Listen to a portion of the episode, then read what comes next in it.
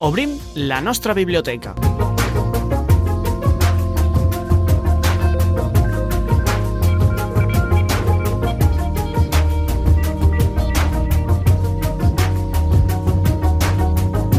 Obrim la biblioteca amb la companyia de Beagarés. Molt bon dia.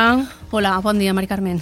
Anem amb les recomanacions literàries de la setmana, que avui portes moltes coses, eh? Avui portem molt, variadet. I unes postaletes que m'ha regalat Bea de gats.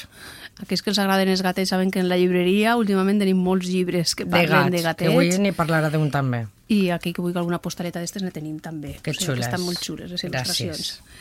Eh, bueno, doncs comencem per els infantils juvenils. Eh, un llibre que es diu, un àlbum il·lustrat que es diu Kika que Jica no para de quejar-se.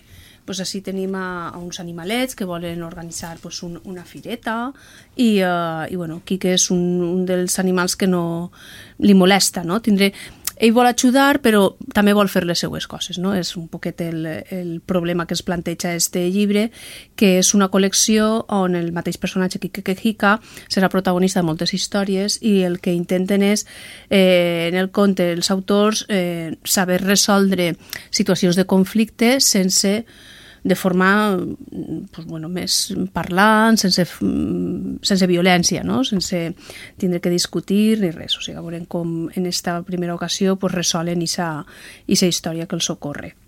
Després portem, que ja s'ha publicat, eh, Nora i el soroll misteriós, que va ser el, el Premi Internacional d'Àlbum Il·lustrat, els Premis Ciutat d'Alcira, i, uh, i bueno, la història és molt bonica, també les il·lustracions, on Nora és una xiqueta, en l'escola segur que estan fent com un treball per a parlar dels oficis, per a que cada ja pugui anar dient, pues, m'agradaria ser de major pues, policia o forner, o...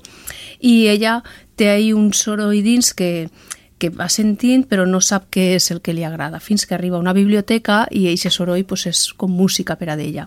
I, uh, I veurem com al final ella, al seu carnet, eh, posarà que és escriptora perquè el que és el que vol ser. És un llibre molt, molt bonic, com va duent per totes les professions. Després, per al públic de 8-9 anys, Susana Iser, una autora de, de llibres tant d'àlbum il·lustrat com de col·leccions eh, trau nova col·lecció, es diu Magic Animals este és el primer volum, l'hem portat en valencià es diu El poder de l'amulet i així tenim uns animals que de sobte un dia eh, descobrissen que s'han convertit en humans.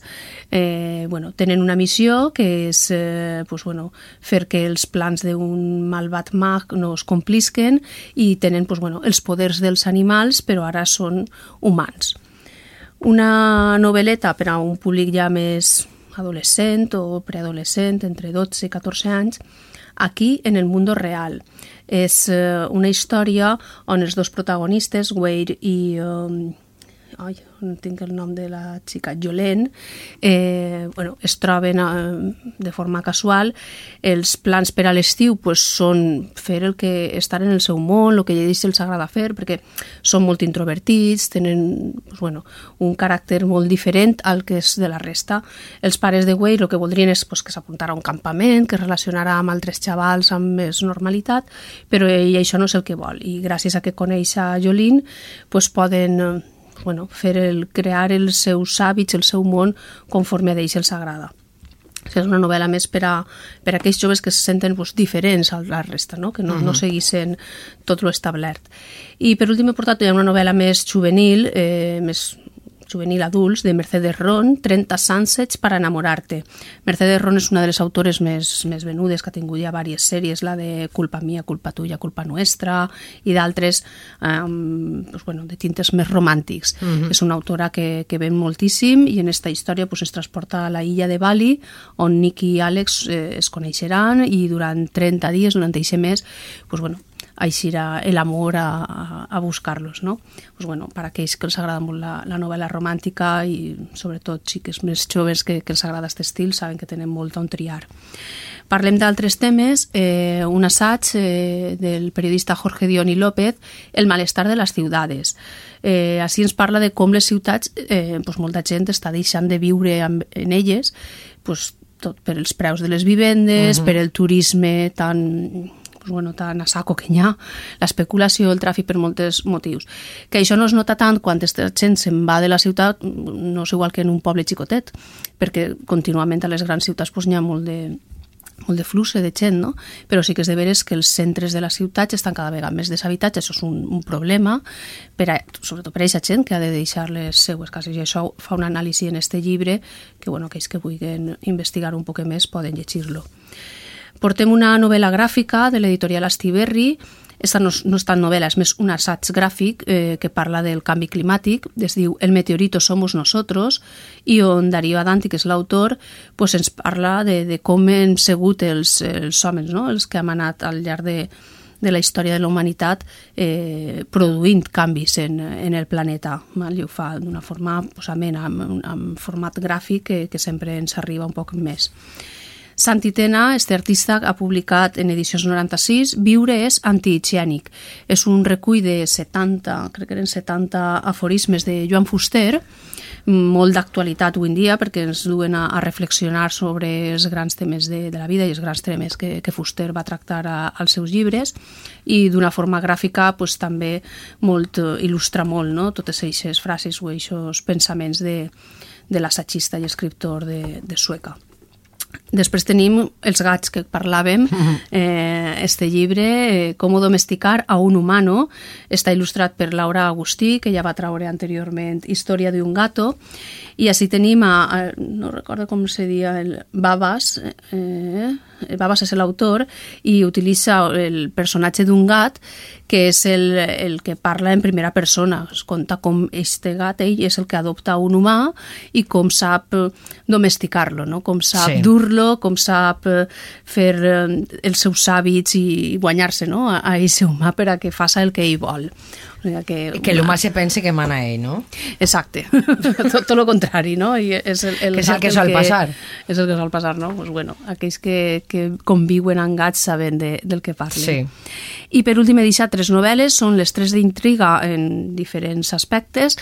Eh, Ana Martínez Muñoz, en Alfaguara, la, publica la seva primera novel·la, està eh, és, eh, esta escriptora bueno, afincada en València des de molt xicoteta, ha publicat València Roja, és la seva primera novel·la i eh, tracta de un, és un thriller en el qual eh, la protagonista és Nela Ferrer, una inspectora de policia que ha fugit de Madrid eh, buscant la tranquil·litat de les seues arrels en la seva ciutat, en València, i eh, ha de resoldre un cas eh, de l'assassinat d'un productor i director de cinema porno que està creant en, en València un, un festival que es diu València Roja. Haurà d'investigar este cas i eh, que per lo vist és un, una venjança i bueno, és la primera novel·la però que està tenint ja molt de públic i molt bona acceptació. Pua és el nou llibre de Lorenzo Silva, sí. també una altra novel·la... Que parlaven este cap de setmana amb ell, de, uh -huh. de Pua pues, mm, crec que és un nou personatge. Jo intuís que serà un nou personatge que traurà més, més històries amb ell. I és també un thriller, en esta, en esta ocasió és, és un, Pua és un un ex agent secret eh, de, espanyol i que bueno, va, va estar implicat en, en tot el que va ser eh, la, la lluita contra, la, contra el terrorisme mal? i bueno, el seu, uh, el seu excompany Mazo és el que necessita la seva ajuda per a que intente que la seva filla isca d'un un cercle en el que s'ha clavat i que no, no és molt bo per a d'ella i sap que el seu company Pua pues, podrà complir no? amb aquest objectiu perquè ell sap com creuar algunes línies que, que altres no ho han fet. I per últim hem deixat també una altra escriptora, també dins del món de la intriga, Alaïz Leceaga, la bilbaïna, amb el seu últim llibre, Les dos vides de Mina Índigo. Així ens traslladem a la Barcelona de finals del 19, a 1888, concretament. Eh, estem en, eh, en l'exposició universal de Barcelona d'aquell any i eh, Mina Índigo és una eh, espiritista que, que, bueno, que té en el seu palacete, pues allí van totes les dones de l'alta societat eh, de Barcelona per, bueno, per a fer sessions d'espiritisme. Ella, és, eh, Mina, és també una, una investigadora i ella pues, utilitza aquestes sessions d'espiritisme per a recabar informació de molta gent de l'alta societat que li servissin després per a resoldre alguns dels seus casos. Pues, bueno, en aquest any estan produint-se una sèrie de morts i eh, junt a un forense que ha arribat nou a la ciutat investigaran un, un cas que està duent a que la ciutat en aquest moment tan important pues, estiga un poquet en, sumida en el caos. Estes són eh, les eh, obres eh, literàries que avui ens eh, recomana. Bea, anem a les més venudes? Pues mira, en primer lloc, la més venuda no l'he pogut portar perquè s'ha agotat. Per això, perquè és la més venuda. és la més venuda, però total. Atlas, la història de Paz Salt, que és la última entrega de la sèrie de les Siete Hermanas, de Lucinda Riley, ja portaven les lectores i lectors esperant-lo i, uh, bueno, ha sigut en una setmana, o sigui que a veure si la setmana que ve el portar. El retrato de casada de Maggie O'Farrell, En la boca del lobo de Elvira Lindo, El cuco de cristal de Javier Castillo, El ángel de la ciudad de Eva García Sáenz de Urturi, Neurociencia del cuerpo de Nazaret Castellanos, El chico de las musarañas de Ana Obregón, El principito, Los cazamisterios del bono número 4 i un nou llibre d'Arta, del youtuber, titulat Arta Maximus Quad. Ahí estan els més venuts de la setmana i la llibreria que està al carrer Ordes Frares, número 6 de la nostra ciutat. T'esperem la pròxima setmana. Vinga, ens vegem. Adeu. Adeu.